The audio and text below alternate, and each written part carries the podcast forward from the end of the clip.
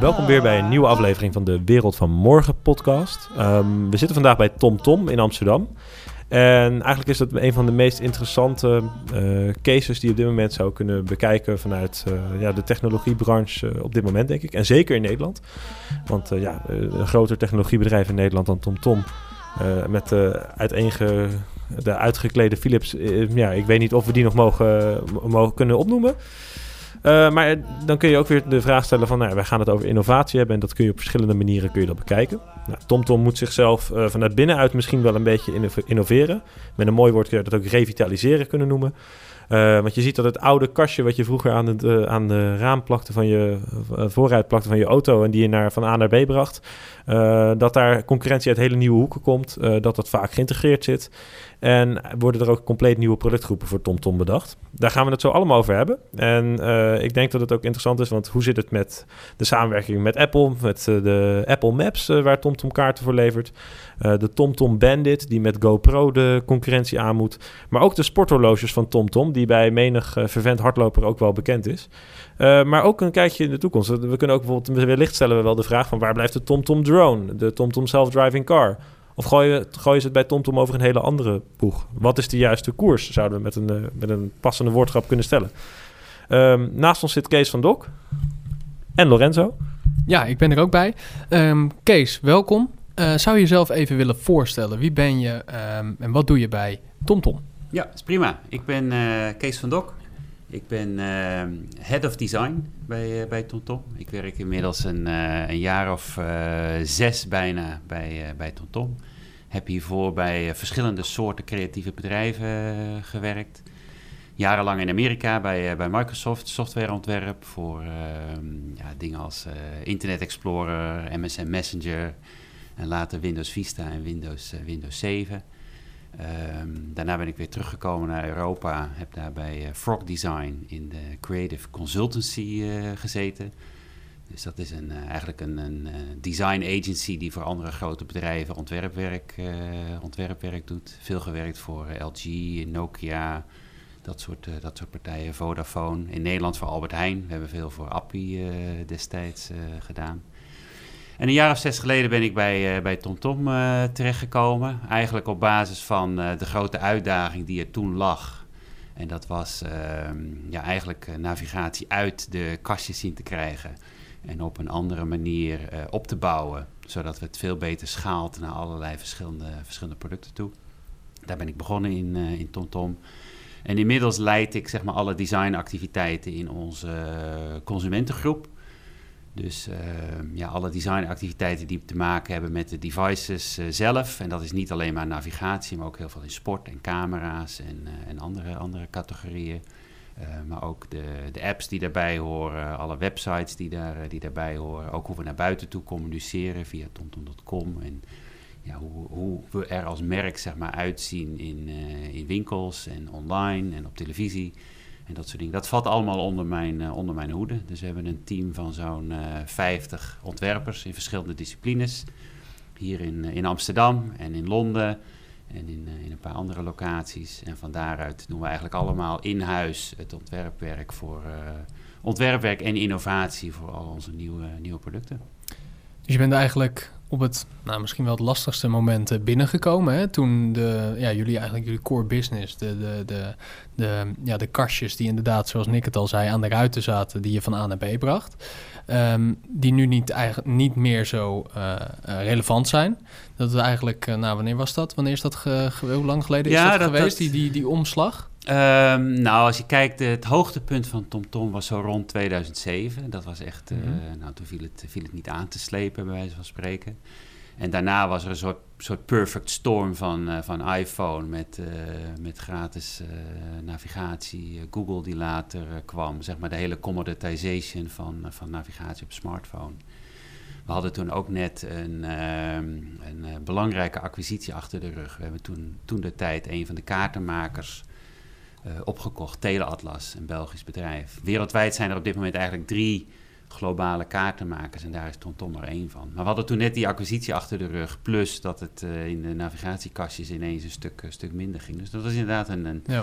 uitdagende fase. Dus in 2009, 2010 eh, begon zich dat te manifesteren.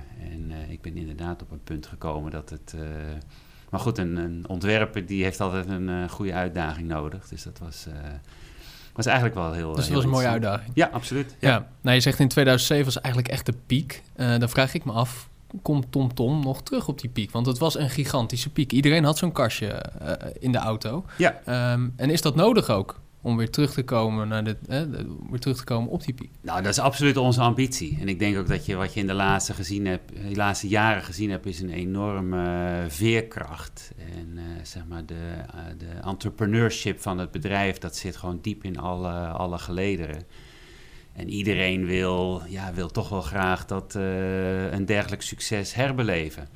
En ik denk wat in de afgelopen jaren gebeurd is, is wat toen misschien een beetje een, eh, een, een, eh, eigenlijk een soort toevalstreffer is. Het is niet een toevalstreffer, maar er zijn wel een heleboel dingen die ook buiten je controle vallen, die bij elkaar komen, waardoor je succes oogst. Eh, dat we dat in de jaren daarna eigenlijk omgezet hebben in een veel structurelere en meer fundamentele ehm, bedrijfsvoering. Die, ehm, ja, die succes wat meer voorspelbaar maakt. En die ook, ehm, ja, niet zozeer voorspelbaar, maar die, die we ons opzet, zeg maar, om op, op, op, een, op een meer gecomponentiseerde manier een bredere industrie te bedienen. En dat zie je ook vandaag terug in de, in de structuur van TomTom, waarin we een aantal kernassets hebben, zoals kaarten en verkeersinformatie. Maar ook bijvoorbeeld het kunnen maken van, eh, van fysieke producten, elektronica, wat helemaal niet zo makkelijk is.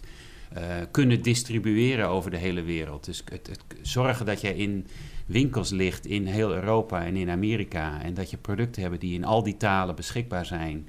Dat is ook een kernasset. En als je dat soort dingen eenmaal goed georganiseerd en in de vingers hebt, dan kun je daarop doorbouwen. En dat is wat we de afgelopen jaren gewoon aan het, eh, aan het doen zijn en gedaan hebben. Ja, we zien dat, eh dat TomTom nu ook andere markten eh, gaat bedienen. Het sporthorloge, waar we in de, in de intro al over hadden. De Action Cam Ja. hebben we eh, gehad. Kun je daar wat meer over vertellen? Ja hoor, ja, ja. sporthorloges is, ehm, ehm, is, is nog steeds nieuw voor velen. We zijn daar echt aan het, het opbouwen, maar we zijn inmiddels aan onze vierde generatie sporthorloges toe. Dat is ooit begonnen in samenwerking met, met Nike. Dus Nike kwam naar ons toe om, eh, dus ze hadden de ambitie om een GPS sporthorloge te maken, maar hadden partijen nodig die dat, die dat konden helpen realiseren. Dat hebben we in, eh, als ik het goed nadenk, 2011 zijn we daarmee eh, mee begonnen. Ehm, daar hebben we zoveel van geleerd en eh, kennis mee opgedaan dat we op basis daarvan onze eigen generatie sporthorloges zijn eh, begonnen. Dat is 4,5 jaar geleden inmiddels, dat onze eerste generatie sporthorloges. eh, toen was je er al, hè? Zes jaar geleden. Zeg dat goed?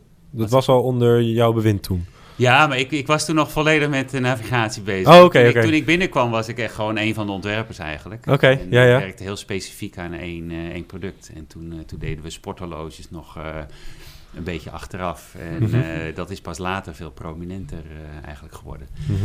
Dus de eerste generatie horloges is van, eh ja, van 4,5 jaar terug. En als je die nu ziet, dan zien ze er best wel clunky en een beetje primitief uit. En over de loop van de jaren hebben we eigenlijk ieder jaar een grote nieuwe feature geïntroduceerd. Dus we waren de eerste met hartslagmeting op de, op de pols, die, die door je huid meet.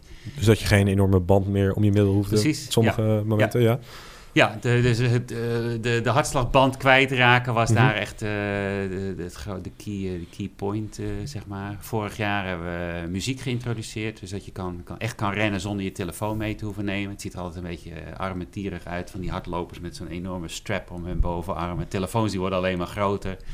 En eigenlijk is het met hardlopen een, ja, een bevrijding als je je telefoon niet, niet mee hoeft te nemen. En muziek is iets waar veel mensen mee willen lopen. Dus toen hebben we veel meer storage op de watches gezet en gezorgd dat je daar muziek op kan, uh, kan zetten en met een draadloze Bluetooth headset kan, uh, kan beluisteren. En zo proberen we iedere keer eigenlijk toch wel veel vernieuwing naar, uh, naar watches te brengen. Daarbij een oog, ogenschouw houdend dat het altijd gaat om een fit-for-purpose product. Dus als, als er een van de dingen is... We hebben altijd een aantal strategic filters, noemen we dat, over waar een nieuw product of een innovatie aan moet voldoen. En gebruiksgemak, ease of use en simplicity uh, zitten daarbij altijd erg hoog in het vaandel. Dus onze watches hebben geen sexy AMOLED uh, color screen bijvoorbeeld. En dat is heel bewust gedaan, omdat we willen dat je een week met een batterij kan doen. Mm. En we hebben een, een hoog contrast zwart-wit scherm die je altijd onder alle omstandigheden heel goed kan, kan lezen. Dus Zelfs in het zwembad? Precies, ja, het is waterdicht. En, ja. dus gebruiksgemak staat echt, uh, echt bovenaan. We hebben makkelijk verwisselbare bandjes, dus dat je hem kan, uh, kan matchen met je mhm. outfit. En we proberen altijd echt op een hele goede manier na te denken mhm. van wat zijn nou de echte gebruikersproblemen die een hardloper heeft. En op, op, op welke manier kan je hem nou het, het prettigste ehm, zeg maar, daarmee bedienen? Ja, ja we zagen, ehm, wat is het, een paar weken geleden kwam Apple met de tweede generatie Apple Watch. Uh, nou, het zal niemand zijn ontgaan uh, ja, dat die partij, dus Apple in dit geval met die Apple Watch, een enorme, ja, eigenlijk binnen no time een hele grote speler is geworden in de wearable-markt. Dus even los van of het sport is of lifestyle of wat dan ook. Uh, maar Apple heeft ook Nike geschikt voor de Apple Watch. Uh, en als we daar naar kijken, dan lijkt die eigenlijk heel erg qua ontwerp op de allereerste generatie TomTom Tom, Nike plus Sportwatch. en vroeger werkten jullie dus met Nike en nu ineens niet meer. Ehm, maar wij vragen, vroegen ons eigenlijk af van, eh, waar is, eh, had dat een reden? Waarom was Nike ineens weg bijvoorbeeld uh, vanuit de scope? Want de samenwerking was heel logisch op dat moment. Althans voor heel veel mensen. Het lag in elke sportwinkel praktisch daardoor ook. En ineens was Nike... nou, het was niet helemaal weg, want je kon nog steeds verbinden met Nike Plus, weet ik, met de generatie daarna. Maar de Nike branding was er wel echt vanaf. Had dat een specifieke reden? Um, nou, eerlijk gezegd weet ik dat niet zo goed. Die eerste, die eerste serie hebben we echt in samenwerking met Nike gedaan als mhm. ingredient brand, zeg maar, op een uh, serie, uh, serie sporthorloges. Uh, Nike is toen de tijd eigenlijk helemaal uit, uit hardware weggegaan. Dus voor Nike was het op een gegeven moment bijna een, een distraction om, om hardware te maken. Ze zijn toen helemaal zelfstandig verder gegaan met de Fuelband onder andere. En op een gegeven moment zijn ze daar ook weer mee gestopt, omdat ze ook tot dezelfde conclusie kwamen dat hardware maken eigenlijk niet hun core competency uh, is.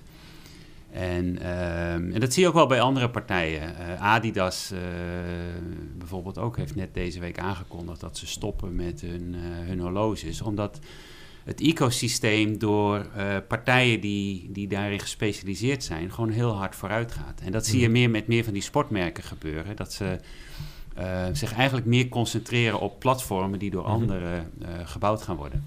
En dat zie je bij Nike heel erg goed. Die hebben natuurlijk in het vroeg stadium telefoon omarmd en nu ook, uh, ook smartwatches.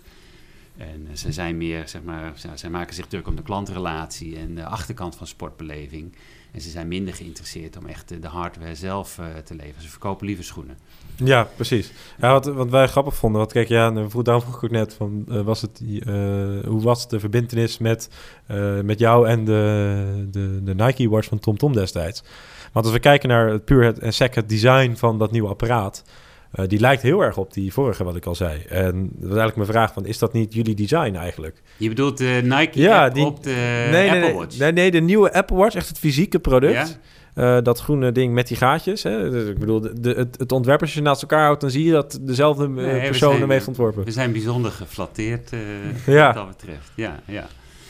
ja, aan de andere kant, het is ehm, het is alleen maar goed. Ik bedoel, voor ons is het alleen maar goed dat er meer awareness komt rondom uh, wearables.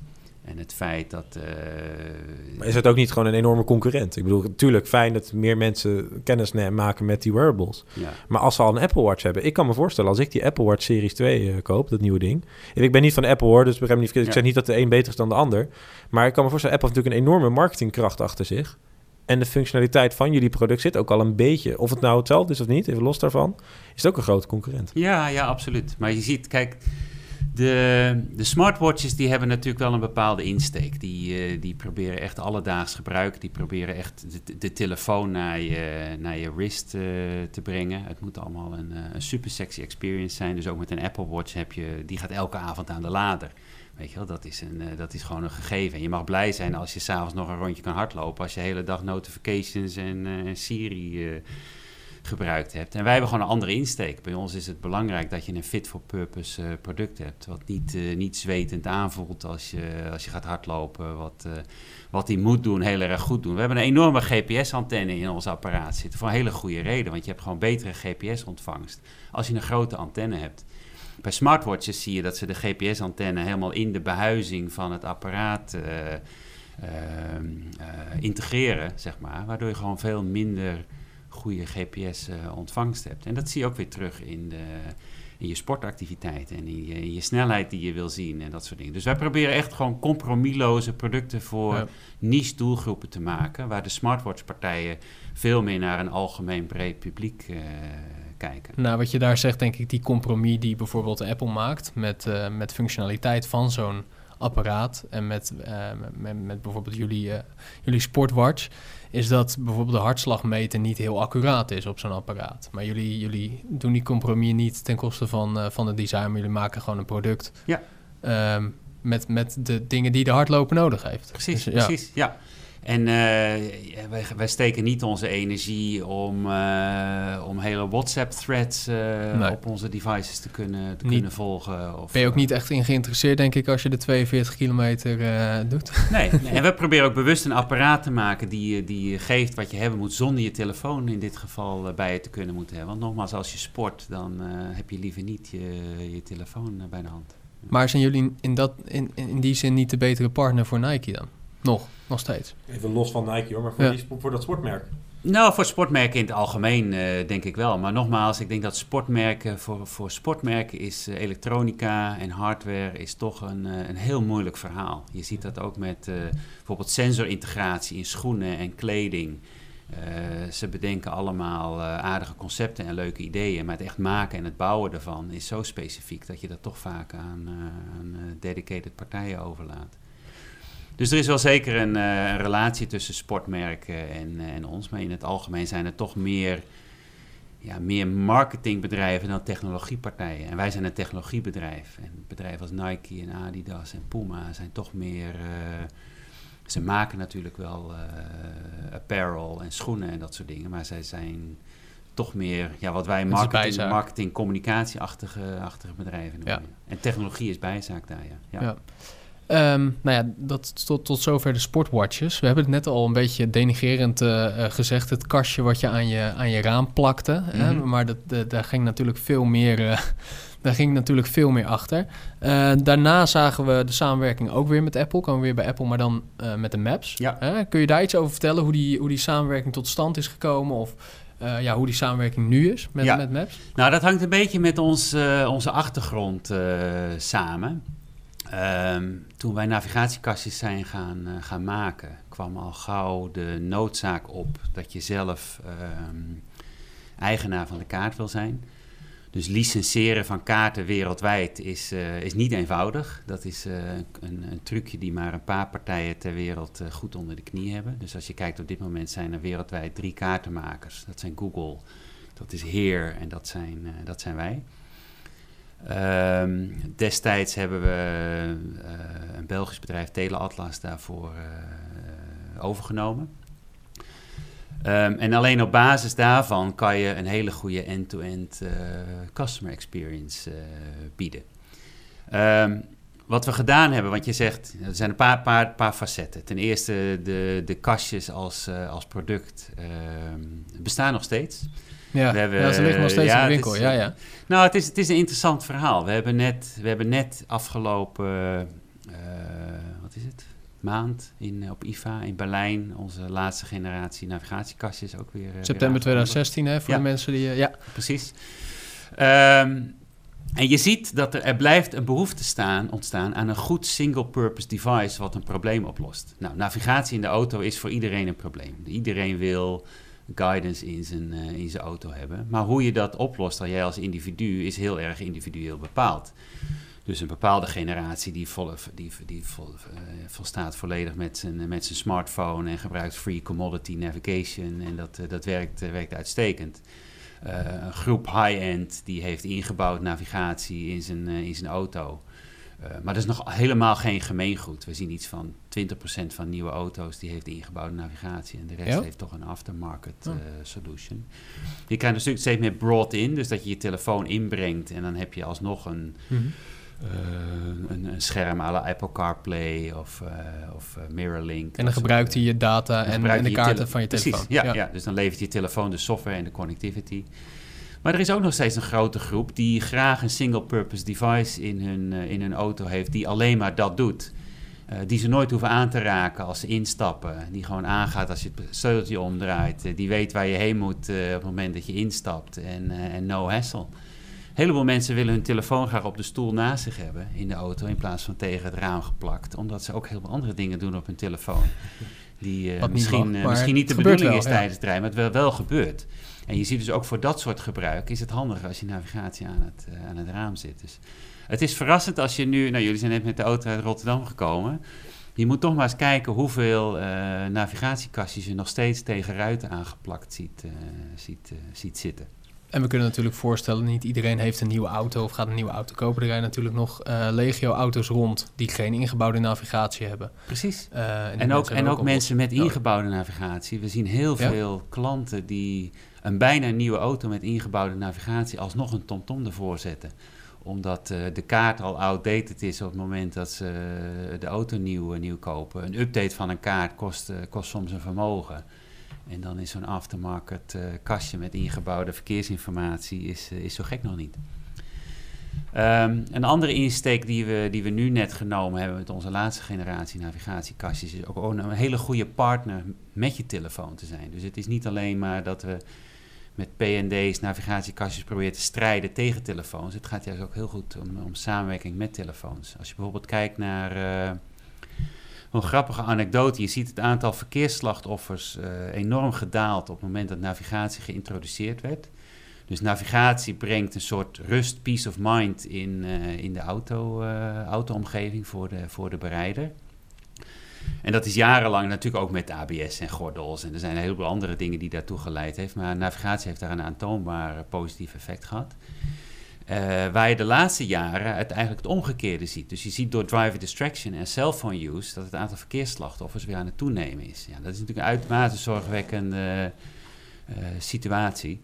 En ook iets wat ons ja, echt, echt ter harte gaat. Van, uh, kunnen, we daar, kunnen we daar een rol in spelen? Dus onze laatste navigatieserie die heeft nu een betere relatie met de telefoon. Dus we proberen een aantal smartwatch-achtige dingen naar navigatie te brengen. Dus je kan uh, tekstmessages kan je, kan je zien als ze binnenkomen en die, die kunnen voorgelezen worden. Dus met text-to-speech gaan we tekstmessages uh, omzetten naar, naar spraak. Die kan je beantwoorden met, met één druk op de knop. Dus je kan zeggen van, oh die zender ik kan niet met je praten, maar ik, uh, om, uh, om 8 uur 34 kom ik aan op werk. Dat weet mijn navigatie. Dus ja. ik stuur je een tekstmessage met... Hey, om 8 uur 34 kan ik weer met je, met je praten. we hebben ook Siri Access en dingen vanuit, vanuit de telefoon. Dus je kan met één druk op de knop, op een voice command... kun je via je PND je telefoon, telefoon bedienen. Dus op die manier proberen we ook navigatiekastjes wel, wel relevant te houden. Maar goed, een van de bijzaken wat ik probeerde uit te leggen is... Um, toen we de nieuwe generatie navigatie zijn, zijn gaan maken... hebben we de software veel meer in componenten uh, opgebouwd. Dus we hebben de kaart als een, als een product gezien... en niet meer als een integraal onderdeel van navigatiekastjes. Verkeersinformatie als een product... Uh, navigatiesoftware als een product. En al die verschillende producten die komen samen in navigatiekastjes, maar al die verschillende producten verkopen we ook als losse componenten aan uh, ja, iedereen die daar, uh, die daar behoefte aan heeft, uh, zeg maar. Dus je ziet veel, veel partijen die een kaartgebaseerde applicatie willen maken, voor wat voor reden dan ook. Uber doet het om taxivraag en aanbod bij elkaar te krijgen. En de pizza delivery die doet het om de, de stad in kaart te brengen, zeg maar. Uh, zo leveren we ook kaartinformatie aan partijen die kaartgebaseerde applicaties maken. En zo is de relatie met Apple uh, zeg maar, tot stand uh, gekomen. Want jullie, hadden ook, jullie hebben nog steeds jullie eigen app ook, navigatie. Ja, ja. ja. dus we hebben eigenlijk navigatie bouwen we nu op zo'n manier dat het first and foremost draait het op een telefoon. En we nemen diezelfde applicatie, gebruiken we op uh, navigatiekastjes. En diezelfde applicatie geven we ook aan autobouwers om te integreren in hun, uh, in hun uh, dashboardsysteem, zeg maar. Dus dat is de vertaalslag, die zijn technisch ook gezien van het kastje, het kastje op je ruit naar je, je smartphone in je zak. Precies, ja. ja. En daarnaast hebben we natuurlijk ook nog, naast de, de, de navigaties, die niet alleen nou ja, wat je zegt, naar, ook naar de smart, smartphone zijn gekomen. Hebben we ook de, de camera's waar jullie nu uh, in bezig zijn. De, de, de sportcamera's. Waarin ja. jullie. Uh, ja, ik wil nog een paar dingen over die kastjes oh, kwijt. Ja, ja, tuurlijk. tuurlijk ja, nee, gaan. Want um, ook voor die kastjes geldt, of voor navigatie geldt, wat we daar aan, aan het productfront aan het doen zijn, is eigenlijk een beetje hetzelfde als wat we met uh, sportswatches aan het doen zijn. Dus we kijken naar uh, fit for purpose. Wat zijn die situaties waarin je je telefoon liever niet gebruikt? Of een, een ander, of een tablet, of een, uh, een ander. En waar kunnen we relevantie toevoegen aan, aan het gebruik? En ik liet hem je net al even zien. We hebben bijvoorbeeld een apparaatje gemaakt voor, voor scooters. Voor, ja, het is natuurlijk audio. Wat ik hier voor me zie is een, ja, bijna een Nest thermostaat, hè? Als ik een grappig ja, mag ja, zijn. Ja, en gewoon een rond, uh, ja, een rond met rubber omhulst uh, kastje. Daarop uh, eigenlijk alleen maar een scherm, een touchscreen, zo te zien. Ja. En zodra je hem opstart, zie je eigenlijk een scootertje. en ik zie meteen wel voor me, ik weet niet of het ook op, op de fiets geënt is, maar fiets, scooter, navigatie. Ehm, ja, want met je ene hand je stuur, je andere hand je smartphone is natuurlijk ook niet heel verstandig. Nee, precies. Dat is, dat is echt de achterliggende reden van dit. Is, uh, we zien veel uh, stadsverkeer. Uh, scooters is, was, was, is de eerste insteek, maar dit is waarschijnlijk de basis voor een, uh, een bredere groep aan, uh, aan, aan, producten. Maar al die situaties waarin je met handschoenen rijdt, of je moet een stuur vasthouden, of, of het is koud, of wat dan ook. En als je je telefoon. Het regent. Zak, het regent, ja. Als je ja. telefoon uit je zak moet trekken, de kans dat je hem laat vallen of dat er iets mee gebeurt, is niet, niet onaanzienlijk. Dus voor allemaal van dat soort contexten waarin je niet zo makkelijk je telefoon kan gebruiken, of er is heel veel zonlicht bijvoorbeeld en je kan het scherm niet zien. Dat is nu een, een, echt een focuspunt voor het maken van, uh, van, uh, van producten. Het leuke aan dit scooterproduct is dat is, uh, hij werkt eigenlijk alleen maar op basis met je telefoon. Het is een soort terminal display voor je, voor je telefoon. Dus de applicatie die je hier ziet, mm -hmm. die, draait, die draait hierop. Oké, okay, oh, dus de, de TomTom-app draait nu op een smartphone die hier op tafel ligt. En dit is eigenlijk een soort, nou, bijna een externe display dus. Precies. Voor, de, eigenlijk als het ware voor die app. Precies, ja. Dus ik heb hier mijn telefoon. Hier kan ik zeggen waar ik, uh, waar ik heen wil. Ik uh, ga bijvoorbeeld naar huis. En dan plan ik mijn route. En dan zie je op de TomTom scooter uh, onmiddellijk die, die geplande route verschijnen. En krijg ik, krijg ik guidance. Dus we proberen ook interactie hier minimaal te houden. Er zit een klein minuutje in waardoor je je favorites en je recente... Ja, je kan dus met één druk op de knop kan je naar huis bijvoorbeeld, maar Precies. je gaat niet iets, echt iets invoeren doe je op je telefoon. Inderdaad. Bijvoorbeeld een apart... Ja. Uh, maar dat dus is prima de, ook. De dagelijkse scenario's kun je allemaal doen terwijl dit ding altijd in je zak blijft zitten. Mhm. Mm -hmm. Maar als je iets meer wil doen, of je wil een via point of, uh, of weet ik veel wat, dan, uh, een via kan je point? de app gebruiken. Nou, dat je een route via een aantal ja, punten ja. wil doen. Dan, uh, maar verder krijg je alle guidance keurig op, uh, op het schermpje. En het is een vorm factor die je makkelijk in je zak steekt. Um, ik zelf gebruik hem ook in de auto. Dus hij doet ongeveer een week met zijn, uh, zijn batterij mm -hmm. voor mijn uh, woon-werkverkeer. En uh, we hebben destination prediction. Dus als je maar dat kan die dus ook. Ik bedoel, stel dat je hem koopt met het doel van... Nou, ik heb hem voor de fiets, want ik ben een, een hippe, moderne, digitale nomaad. Hè, om het even in uh, krachttermen te gooien. Ehm, de, dat, dan gebruik ik hem daarvoor. Maar die ene keer dat ik per week, wij spreken, die green wheels instapt... kan ik hem ook gewoon in de auto ja, gebruiken. Ja, absoluut. Dus het is... Ja, ik noem het al een beetje een soort smartwatch voor de auto. uh, uh, de form factor is... Zit er ook een bandje uh, bij? Want... nee, nou, één ding wat we gedaan hebben is wel grappig. Dat is een beetje een fietsje waarvan je denkt van waarom, waarom doe je dat? Maar dat is gewoon om het een beetje leuk te houden.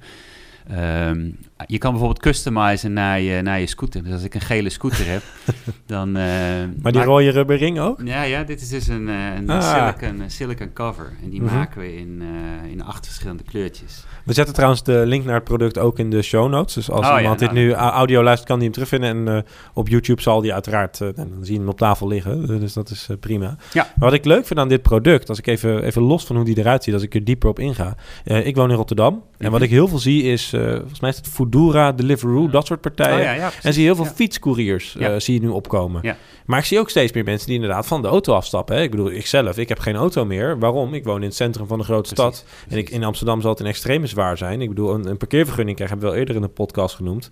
Is waarschijnlijk lastiger dan uh, het geld bij elkaar treffen voor je auto tegenwoordig. Nou, daar raak je een heel goed punt. Want dat is ook een van de redenen waarom we dit product gedaan hebben. Um, als je kijkt naar de speerpunten van, uh, van de, de grotere TomTom-thema's, zeg maar, dan we zijn we, we zijn bezig om ons te positioneren voor uh, autonomous driving en daar tools voor te maken. Komen we zo zeker op terug. Komen we op terug. Uh, we kijken natuurlijk naar sports wearables, maar we hebben ook een groot initiatief rondom city mobility en de infrastructuur rondom, rondom steden. Dus we bieden steeds meer diensten aan aan steden, zodat dat city managers hun traffic flows kunnen, kunnen inzichtelijk maken en, uh, en mhm. beheersen. Maar ook mobiliteit in de stad begint een enorm thema te worden. Je ziet steeds mhm. meer steden die auto's natuurlijk uit de binnenstad bannen. Mm de, de, public transport of openbaar vervoer. Openbaar vervoer, ja, ja. Dat loopt, dat, dat, ja, dat is op een gegeven moment niet meer schaalbaar, zeg maar, om de hele mobiliteit van een stad op te nemen. Je ziet steeds meer light vehicles in, uh, in de mhm. stad. Uh, ja, de e-bikes, de, de, elektrische scooters komen ook op, hè? E-bike is een heel goed voorbeeld van hoe, hoe een, weet je, een, een, langere range van je mobiliteit tot een heel ander productgebruik begint, uh, begint mm -hmm. te leiden. Nou, dit soort producten doet het gewoon heel goed in, in de stad. Nogmaals, ja, waterdicht en mm hassle-free, je hoeft niet na te denken. En even puur propositie-wise, wat kost zo'n apparaat? Uh, als ik het goed heb, 169 euro. En daar zit dan ook de kaartensoftware bij, gok ik? Ja, ja. ja precies. Ja, dus je koopt het product, je downloadt de app en mhm. dan heb je, je hebt verkeersinformatie, alle routing. Je kunt precies. iedere kaart van Europa downloaden. En, uh, ja, een goede fietshouder voor je iPhone. Ja, ik, ik ken ze van Lifeproof toevallig. Die kostte volgens mij, het kost hoesje 90 euro en de fietshouder ook 80. Ja, en, en het dus is best wel veel gedoe, want je moet ja, erin steken, precies. er moet iets overheen om een waterdicht te maken. En je ziet er toch een beetje als een idioot uit met je...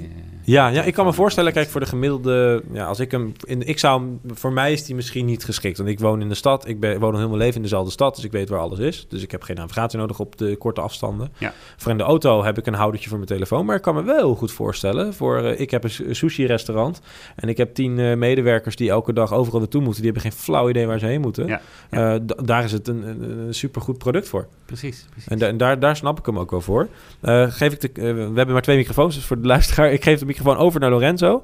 Want ik wil het gaan hebben ook over, voordat we naar de, naar de toekomst gaan, wil ik het eigenlijk nog over uh, één product hebben. En dat is de Bandit actiecamera. Ja. De GoPro-concurrent, zoals je hem zou mogen noemen. Mm -hmm. Maar dan geef ik de, de microfoon even aan Lorenzo, want dat is natuurlijk zijn area of expertise, zou ik haast zeggen. Ja, inderdaad. Uh, wel, het lijkt me een hele moeilijke markt. Zeker al met de GoPro, die natuurlijk echt al een gigantisch uh, marktaandeel heeft gepakt, al vanaf het begin. Ja. Uh, dus dat lijkt me een hele moeilijke strijd. En ik ben wel heel erg benieuwd ja, hoe, dat, hoe dat gaat. Hoe, hoe staat dat product nu in de markt? Hoe wordt het verkocht? hoe, zijn jullie, hoe hebben jullie besloten om een action cam te gaan maken? Mm -hmm. Daar ben ik heel erg benieuwd naar. Oké, ja.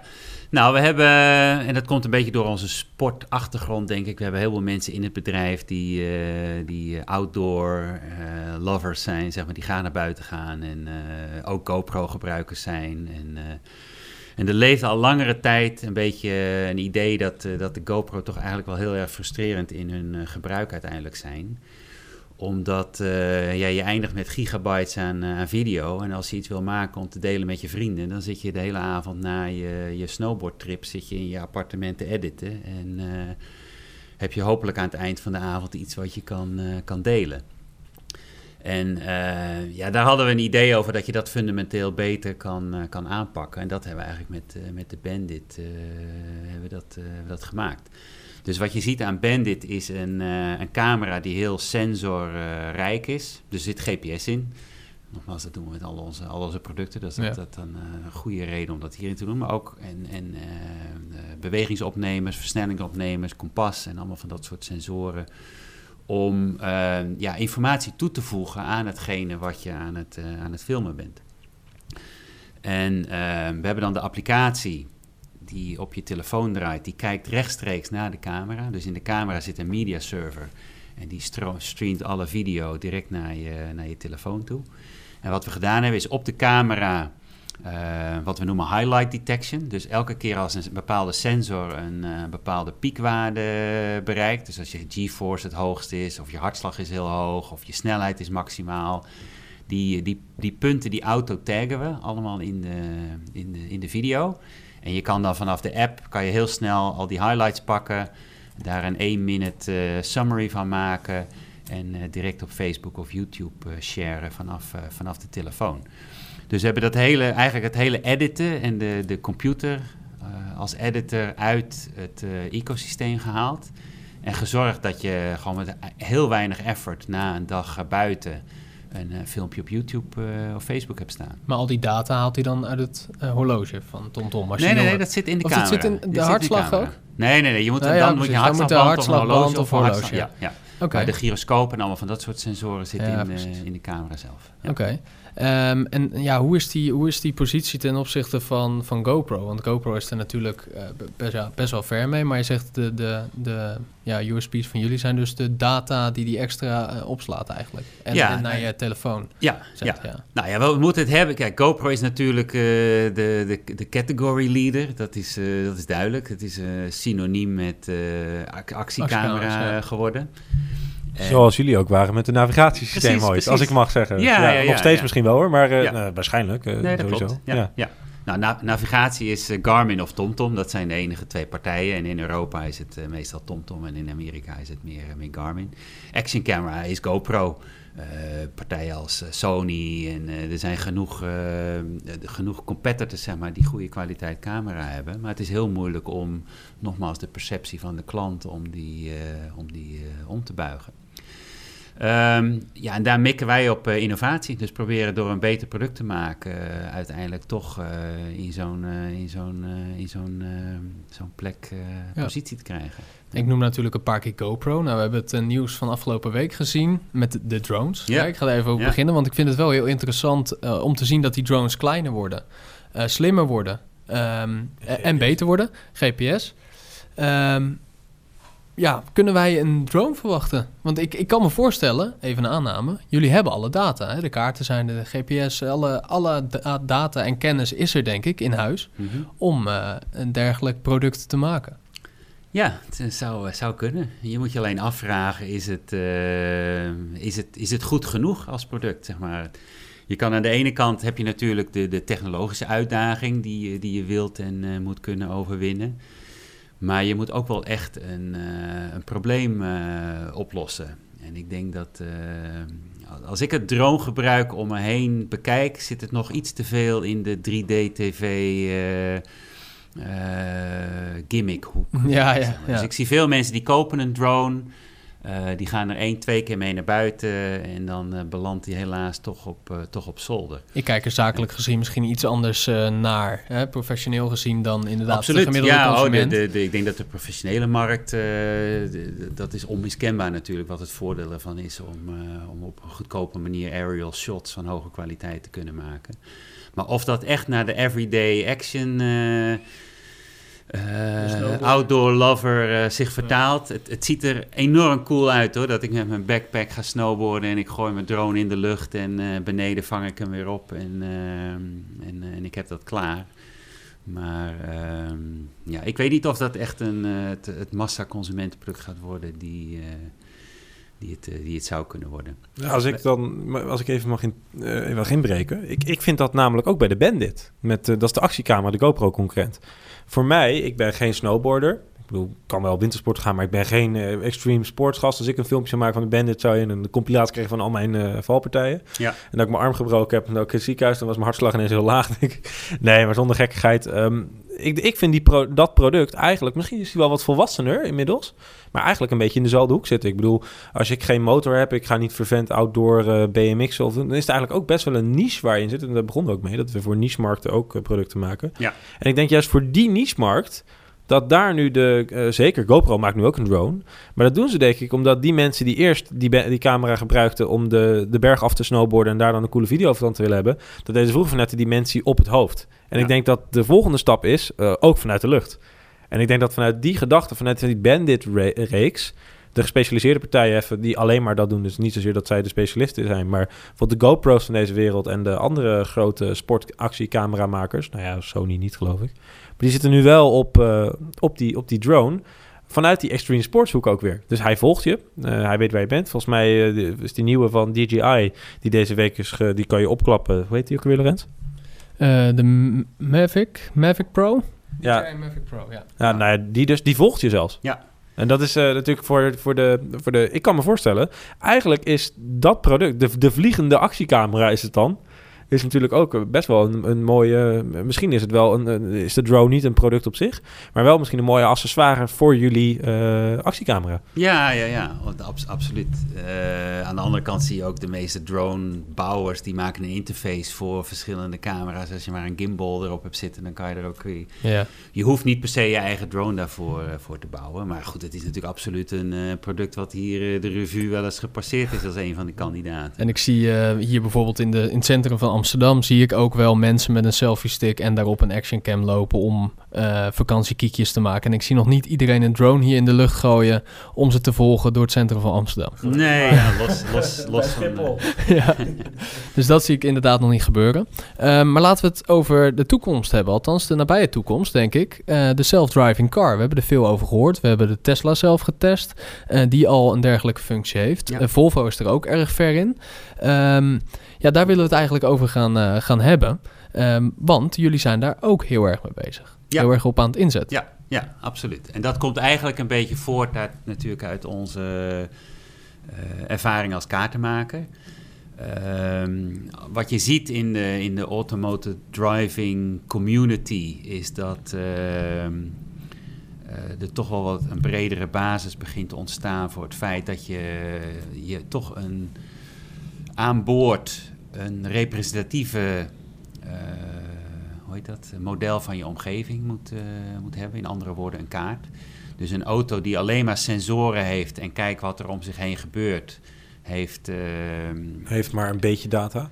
Ja, die heeft, die heeft eigenlijk te weinig data om op alle scenario's op de juiste manier te kunnen anticiperen. Mhm. Dus je ziet eigenlijk van je moet een goed model van de werkelijkheid hebben, wat er, wat er voor je en om je heen eh, gebeurt. Dat is natuurlijk heel veel data die afkomstig vanuit eigen waarneming vanuit de auto, door middel van alle sensoren en lidars en eh, alles wat er, eh, wat erop zit. Maar je moet ook een heel goed model hebben van, van wat, er, wat er voor je gaat verschijnen. Nou, dat is eigenlijk de rol die wij, die wij spelen. Dus wij alle kaartinformatie die vroeger één lijntje was met een polygoontje waarop je uit kon rekenen hoe lang je er, eh, erover deed en die je ook vandaag de dag nog een beetje hoekig eh, gerenderd ziet. Eh, daar maken we nu eh, high, high fidelity 3D eh, kaartdata. Dus met een hoge precisie zijn Mhm. onze kaarten nu gewoon 3D-modellen van de, van de omgeving. En ehm, ja, dat, daar proberen we wereldwijd coverage voor, eh, voor te maken voor, eh, voor automotive driving eh, fabrikanten. Dat is één, dus dat is de kaartinformatie. We maken ook eh, Road DNA is een van onze producten daarin. Dus we maken HD-maps. Dat zijn echt kaarten met spline data, met alle ehm, eh, hoe heet het, de weginfrastructuur. Dus waar precies Mhm. de beleiding zit, hoeveel lanes heb je hier, hoe breed zijn die lanes, waar begint de exit. en eh, dat is de spline data. dat is spline data, dat zijn ja. HD-maps eh, zijn dat. En een ander product wat we maken is Road DNA. Dat is eigenlijk een 3D-model van de wegkant. Dus waar zitten de bruggen, waar staan de bomen naast de weg, waar staan gebouwen naast de weg, waar houdt de vangrail op, waar begint die. En dat is in een heel data-efficiënt model eh, slaan we dat op. Dus dat kun je streaming naar een auto sturen, die, eh, die data. Die hoeft niet allemaal aan boord te zijn in een auto. Dat is met lage bandbreedte kun je dat eh, naar een automated guided vehicle sturen. En die kan die gebruiken om zijn eigen sensordata mee te matchen. Dus je gebruikt die omgevingsdata met de sensors aan boord om tot op een paar centimeter nauwkeurig exact te weten waar je, waar je bent. Nou, dat is dan zeg maar de, de onboard computing die, die plaatsvindt. Maakt zo gebruik van externe data die wij onder andere leveren. En dat is onze voornaamste rol in hoe we automated driving eh, proberen verder, eh, verder te brengen. dat is denk ik wel een hele belangrijke rol in een markt die, eh, nou ja, goed, iedere trendwatcher met, een, met een mooi woord zou zeggen, nou ja, over 10 jaar, 15 jaar, 20 jaar, weet ik het, rijden we allemaal autonoom, hè? Of de auto rijdt ons, om het zo maar te zeggen. Dat is de, de droom. ik weet niet of het, ik, ik, Ik, ben niet- iets sceptischer ik- over de tijdlijn. laat ik zo zeggen, een collega noemde me van de week depressief realist. Weet je wel, van aan de ene Ja. kant mag je optimistisch zijn, maar laten we het even in bedwang houden. Ja. En ik denk ook dat dat nog wel ver weg is. Maar die rol van Tom Tom kan best wel eh, groot zijn. En jullie kunnen denk ik zeker uh, een hele grote speler zijn. Waar het niet dat Google hier ook heel erg mee bezig is. Apple schijnt er ook mee bezig te zijn. Je hebt natuurlijk Tesla die enorm uh, aan het knallen is op het moment. Ja. Uh, maar jullie kunnen daar natuurlijk wel een interessante partner zijn. Maar wat is, is, is zouden jullie bijvoorbeeld, bij wijze van spreken, ik weet niet of het al gedaan is, maar het zou bijvoorbeeld kunnen zijn dat jullie zeggen, nou ja, bijvoorbeeld dat auto's met elkaar praten. Hè? Dus dat je weet waar de andere zelfrijdende auto is. Daar is nu nog geen open standaard voor. Wij nemen onze rol als TomTom heel serieus en wij zijn de partij die die, die standaard bijvoorbeeld voor gaan trekken. Net zoals Apple bijvoorbeeld deed met een kabeltje uh, aan de zijkant van de laptop, wijze van spreken. Ja, dat soort standaardisatie is in volle gang hoor. Er zijn maar zijn jullie daar ook heel erg... Er zijn daar partijen. Ja, ja precies. dus er zijn allerlei consortia zijn op dit moment bezig om daar standaardisatie voor, uh, voor te ontwikkelen. Er is ook technologie-standaardisatie. Dus je ziet heel veel bijvoorbeeld wegkantinfrastructuur. Dus uh, de, de borden die je ziet langs de weg, die, hoe die communiceren naar auto's. Dat is eigenlijk allemaal al uh, tot, tot op zekere hoogte is dat allemaal gestandaardiseerd. Ook de protocollen, hoe auto's onderling data uit kunnen wisselen.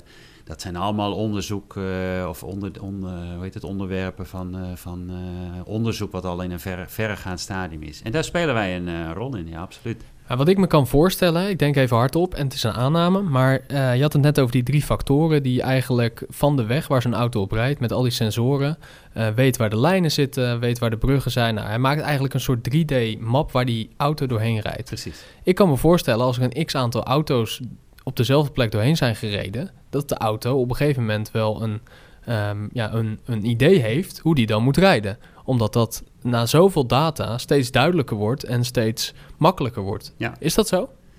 Um, ja, in principe wel. Nou ja, ik, zonder in te gaan op de hele de, de, de, ingewikkelde aspecten van machine learning en computer ja, vision. Ja. En je hebt allerlei verschillende technologieën die bij elkaar moeten komen om een auto zelf, uh, zelfrijdend te maken. Een van de kerntechnologieën hierin die wordt uh, SLAM uh, genoemd. Dus dat is Simultaneous Localization and Mapping. Dus dat is je, jezelf positioneren en een model van de omgeving uh, maken en consumeren. Dus tegelijk, je consumeert een map, maar je creëert ook een, uh, een map tegelijkertijd. Want in een automotive driving uh, reality is, is real-time is, is het meest belangrijke. En dat zie je ook wel, daarin spelen wij gewoon een belangrijke rol. Wat, wat, wat wij al, al heel lang natuurlijk doen, is gewoon real-time big data.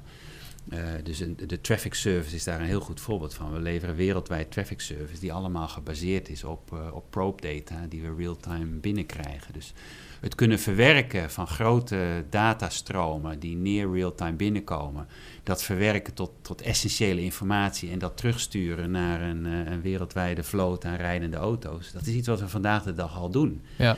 En uh, ja, dat is zeker de, voor ons de kernrol waarin we ons focussen waar het gaat om automated driving. Maar je zei net, ik ben redelijk sceptisch op termijn, hè? Wanneer we oh, echt volledig... Ja, nou ja, sceptisch. Het is, het is allemaal heel, heel erg makkelijk zodra je op een snelweg zit. Ja, wel, uh, maar de gecontroleerde omgeving. Maar als jij een auto, een zelfrijdende ja, auto door Hartje ja. Amsterdam uh, probeert te sturen... zodra voetgangers en fietsers weten dat die auto toch wel gaat stoppen... als je je ja. ervoor gooit, dan komt zo'n auto nooit van de En dat is nog steeds kant. het menselijke, menselijke aspect wat we... Ja, je ziet dat er heel veel verkeer is gebaseerd op... Uh, menselijke waarneming en hersens die met elkaar samenwerken. Dus je, een korte blik is vaak genoeg om even de verstandshouding te, onder te begrijpen van ik neem hier voorrang en jij niet.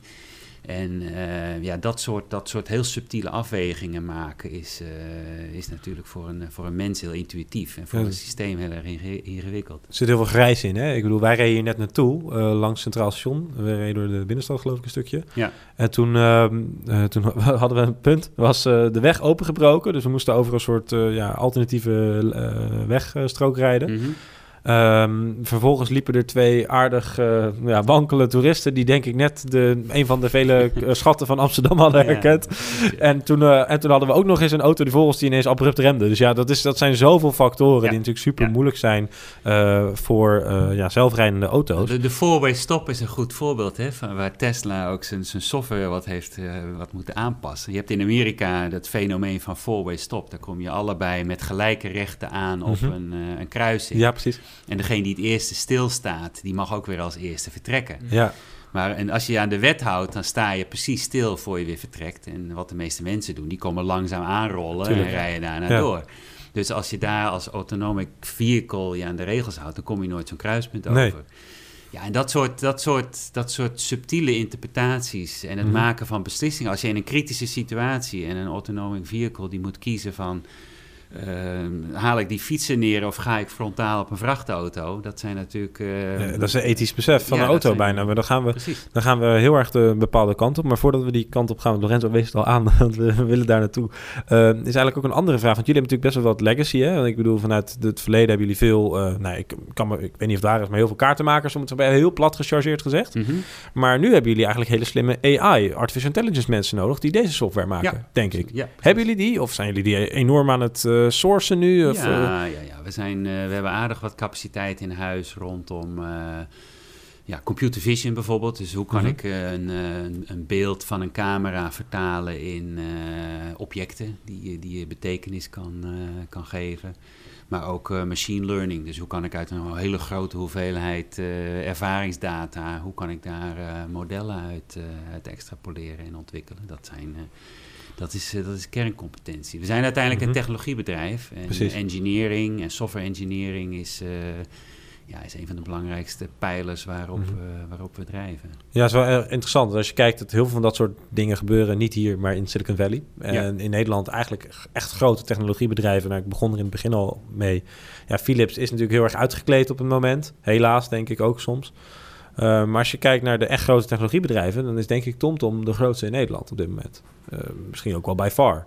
Ja, onderschat niet in, uh, rondom Eindhoven, ASML en allemaal van dat soort bedrijven. Nee, consumer electronics ja, dan. Hè? Ja. Ik bedoel, in oh, de, ja. Zo, excuus, dat bedoel nee, ik. het is een, wat dat betreft is het natuurlijk een vrij depressief verhaal om te zien hoeveel van dat soort industrie eigenlijk uit Europa is verdwenen en terechtgekomen is in Amerika en Azië. Ja, precies. En volgens mij is daar niet, ja, is er niet echt een hele goede reden waarom dat hier Mhm. niet, zou, niet zou kunnen. Je ziet uh, toch wel zeker in de Amsterdamse regio, uh, maar ook in, uh, in Eindhoven en, en, ook wel in andere landen in Scandinavië natuurlijk wel heel veel innovatiepower en, Mhm. en, en hele goede, goede technologie mensen zitten. Waardoor het echt niet onmogelijk is om, om innovatie te, van de grond te krijgen vanuit, de, vanuit hier. En dat is ook echt wel iets waar wij op, uh, wij op inzetten. Mhm. We willen absoluut niet, uh, niet opgeven op uh, consumer electronics en daar, daar relevant in, in blijven. Ja, ik denk dat dat En mooi is. worden. Ja, precies. Dat is denk ik ook heel mooi voor de, voor de Nederlandse Ja. technologie scene, om het zo maar even te noemen. Precies. Uh, je hoeft niet naar Silicon Valley om bij een interessant techbedrijf te werken, denk ik hoor. Ja. Uh, maar waar we ook eigenlijk over willen hebben, daar hebben we het net al kort over gehad, is uh, een van de interessante onderwerpen die nu heel veel plaatsvinden in heel veel steden. Dat, is, dat zijn de smart cities. Uh, die we hebben. De slimme infrastructuur, slimme stoplichten, Ja. anticiperende stoplichten. In Rotterdam heb je nu regensensoren bij, fietspa- bij fietsstoplichten waar dat kan. Dus Oh, als het regent, heeft een fietser voorrang op de auto omdat hij in de regen staat en de auto is vaak overdekt. nou, het zijn hele slimme, leuke. Eh, ja, dat maakt de stad ook wat interessanter, denk ik. Maar wa- wat is jullie rol in die smart city beweging? Eh, Nu op dit moment. Waar zijn, jullie, waar zijn jullie nu mee bezig? Is daar een voorbeeld van? Ja, we hebben bijvoorbeeld, er is een website, uh, uh, cities.tomtom.com. Daar, kun je, daar hebben we eigenlijk per... We zijn nu voornamelijk een, een data provider. Dus we proberen uh, degene die verkeersstromen rondom steden uh, moeten managen en ontwerpen. Bijvoorbeeld, uh, er moet een nieuwe brug over het ei komen. Waar gaan we die plaatsen? Weet je, wel, dat zijn echt van die data beslissingsmodellen. Uh, daar helpen we beslissingsmakers met, ja, met goed gefundeerde informatie. Wat, zijn de stromen? Bijvoorbeeld, we weten precies van als op de ring Oost een file staat, dan kunnen we precies in kaart brengen waar gaat alles verkeer langs. Dat probeert die file te ontwijken. Dus van wat zijn, wat zijn de bekende bypasses? En uh, we weten de, de plekken waar de meeste ongelukken gebeuren. En, en dus we proberen allemaal per stad dat soort hotspots goed in kaart te brengen. Zodat uh, ja, de, degenen die in, in de stad verantwoordelijk zijn voor het uh, beheersen van de verkeersstromen goede, goede beslissingen kunnen nemen. Um, wat je vertelt van die regensensoren, een goed, goed voorbeeld daarvan is, van een van de dingen die we doen, is steeds meer uh, sensorinformatie in onze verkeersinformatie bijvoorbeeld uh, verwerken. Dus je ziet wat je nu in de auto-industrie begint te zien, is dat alle sensordata van de auto, die, die wordt gedeeld over een dataverbinding. Dus ook daar kan je bijvoorbeeld zien wanneer de ruitenwissers aankomen. Je backend, die, die weet dat. Dus je weet precies waar het regent en waar, uh, waar niet. En ja, daar kun je weer, weer nieuwe diensten op, uh, op baseren. Dus dat soort sensor fusion noemen we dat. Sensor fusion en daar waarde uit creëren en die weer terug distribueren ja, dat is denk ik wel een van de kerncompetenties die we op dit moment hebben. En dat geldt niet alleen voor cities, maar het geldt bijvoorbeeld ook voor, voor sport. Want op het moment om jou als individu fitter te maken, heeft het heel veel waarde als je van een grote populatie bijvoorbeeld het gedrag in, in kaart kan brengen. En of een bepaalde sporttraining een bepaald effect uh, sorteert. Als ik, als ik zoveel in de week hardloop en ik doe dit en dit, dan heeft dat dit soort effect op mijn gezondheid. En dat kunnen we weer gebruiken om andere, andere mensen bijvoorbeeld te helpen adviseren wat, wat te doen op sportgebied. En dat zijn eigenlijk heel vergelijkbare achterliggende technologieën en achterliggende modellen die op verschillende terreinen tot uiting kunnen komen. En die, die modellen en die data van jullie, die vertalen je ook weer naar de producten. Absoluut, ja. ja, ja. Dat is eigenlijk is de drijvende kracht achter producten. Ja. Eigenlijk bij alles wat we doen is een back-end oplossing. Dus je moet, je moet je, je centraal je data hebben. Daar haal je, maak je je, je intelligentie, uh, bepaal je erop. En dat stroom je terug naar alle, we noemen dat lenzen op de technologie. Dus of je nou met een app, een website of een product zeg maar uh, een, een, feature of een service consumeert. Het begint altijd eigenlijk in de het achterliggende systeem waar de data wordt verzameld en de intelligentie wordt gecreëerd. Ik denk dat dat een hele mooie afsluiter is. En hierbij wil ik hem ook uh, graag af gaan sluiten. En natuurlijk, Kees, hartelijk dank voor, uh, ja, voor, voor dit interview, voor deze podcast. En dat we hier aanwezig mochten zijn in dit prachtige kantoor in onze hoofdstad, Amsterdam. Ja, graag gedaan. daarnaast wil ik nog wat andere mensen bedanken. Nick natuurlijk. En bedankt dat jij er weer bij was. Um, daarnaast hoor je de muziek van Moby op dit moment. Die wil ook bedanken voor het gebruik van de muziek. Uh, Wesley van der Stel voor uh, ja, het design van de website. Rob Voets voor het design van de website. En Wesley van der Stel was eigenlijk voor het, het maken van de website. daarnaast wil ik nog kort even um, aangeven waar we mee bezig zijn. we zijn nog steeds bezig met de documentaire die we, die we aan het maken zijn op dit moment. over het eten van morgen. Um, als er meer informatie of als we iets meer daarover hebben, dan, uh, dan zullen jullie dat zeker, uh, zeker uh, laten weten. Um, en ja, hartstikke bedankt voor het luisteren en tot de volgende podcast.